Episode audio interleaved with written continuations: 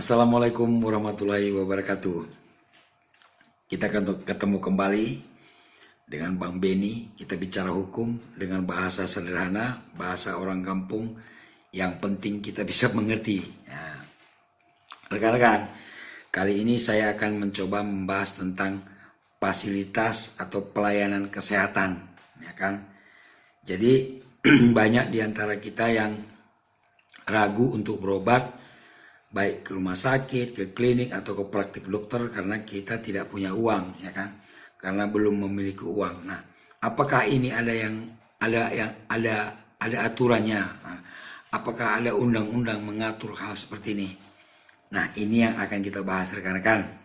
Namun sebelumnya, sebelum kita lanjut, jangan lupa channel ini di subscribe dulu, di like, nah ya kan? Video ini di like dan bunyikan tanda lonceng supaya rekan-rekanlah yang pertama kali mengetahui ketika saya buat cerita tentang hukum. Oke? Okay? Thank you. Baik rekan-rekan. Kita mulai. Yang pertama yang harus kita tahu itu rekan-rekan itu apa itu gawat darurat. Ya. Sering kita lihat di rumah sakit ada UGD, unit gawat darurat. Nah, gawat darurat itu apa ya kan? Jadi gawat darurat itu adalah pasien yang menderita sakit dan cedera yang dapat mengancam kelangsungan hidupnya.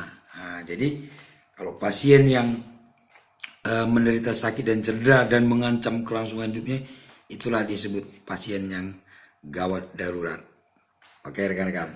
Lalu apakah rumah sakit, ya e, klinik atau tenaga kesehatan, ya boleh menolak pasien yang dalam keadaan gawat darurat tadi dengan alasan eh, harus persyaratan bla bla bla bla.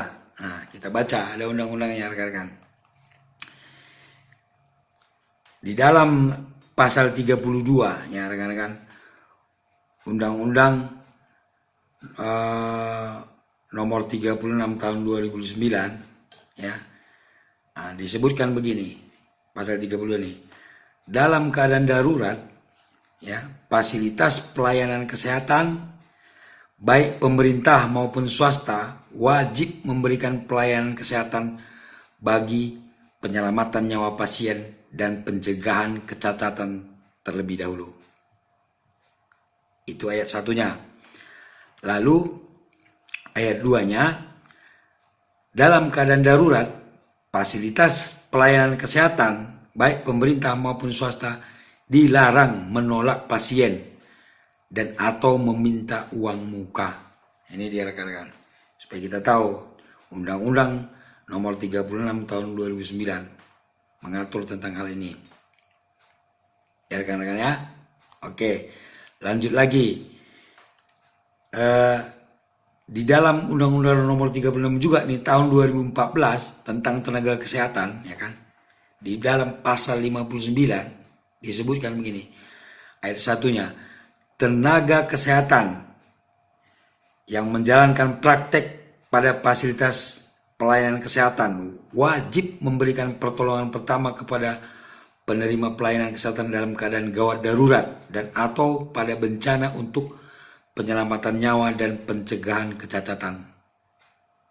Ayat 2 tenaga kesehatan sebagaimana dimaksud pada ayat satu tadi dilarang menolak penerima pelayanan kesehatan dan atau dilarang meminta uang muka terlebih dahulu. Jadi baik fasilitas, uh, fasilitas kesehatan maupun tenaga kesehatannya tidak boleh menolak pasien atau tidak boleh meminta uang muka terlebih dahulu rekan-rekan.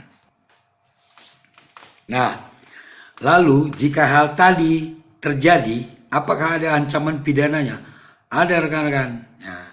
Di dalam pasal 190 ya Undang-Undang 36 tahun 2009 di ayat saya satunya berbunyi begini rekan-rekan. Pimpinan fasilitas pelayanan kesehatan dan atau tenaga kesehatan yang melakukan praktik atau pekerjaan pada fasilitas pelayanan kesehatan yang dengan sengaja tidak memberikan pertolongan pertama terhadap pasien yang dalam keadaan gawat darurat ya sebagaimana dimaksud dalam pasal 32 ayat 2 dan pasal 85 ayat 2 dipidana dengan pidana penjara paling lama 2 tahun dan denda paling banyak 200 juta rupiah. Ya. Nah, di ayat 2-nya begini. Dalam hal perbuatan sebagaimana dimaksud pada ayat 1 itu mengakibatkan terjadinya kecacatan atau kematian, pimpinan fasilitas pelayanan kesehatan dan atau tenaga kesehatan tersebut dipidana dengan pidana penjara paling lama 10 tahun dan denda paling banyak 1 miliar rupiah. Itu rekan-rekan. Jadi apabila ya kan fasilitas kesehatan atau tenaga kesehatan menolak pasien gawat darurat ya itu dia dipidana ya kan paling lama 2 tahun dan denda paling banyak 200 juta rupiah ya kan rekan-rekan.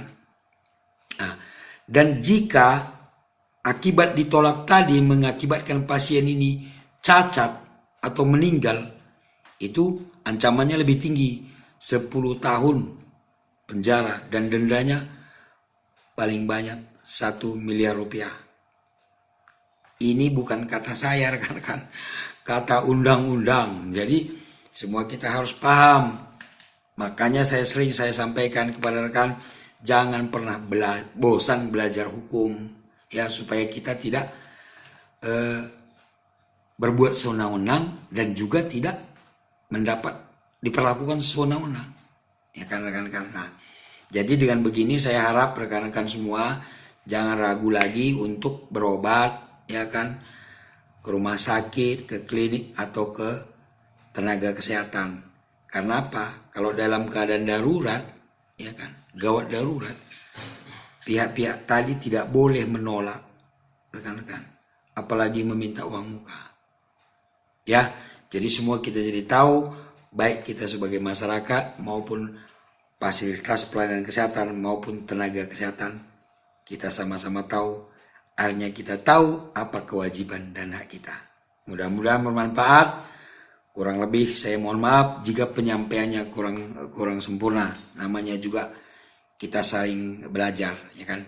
Niat saya tidak mengajari rekan-rekan, hanya membantu atau meng, uh, mengajak rekan-rekan untuk selalu belajar hukum, walaupun sedikit-sedikit. Lama-lama kan menjadi bukit, ya rekan-rekan ya. Dan mudah-mudahan apa yang saya sampaikan ini bisa berguna buat kita semua. Jika ada ingin ditanyakan tentang hal ini boleh di komen atau juga melalui WA 0812 6070 808 gratis. Kita sharing hanya untuk uh, menambah amal ibadah kita dan juga mencari persaudaraan. Demikian rekan-rekan. Ingat ya rekan-rekan, jangan diperdebatkan ya kan kalau mau berdebat, berdebatlah di warung kopi. Terima kasih. Assalamualaikum warahmatullahi wabarakatuh.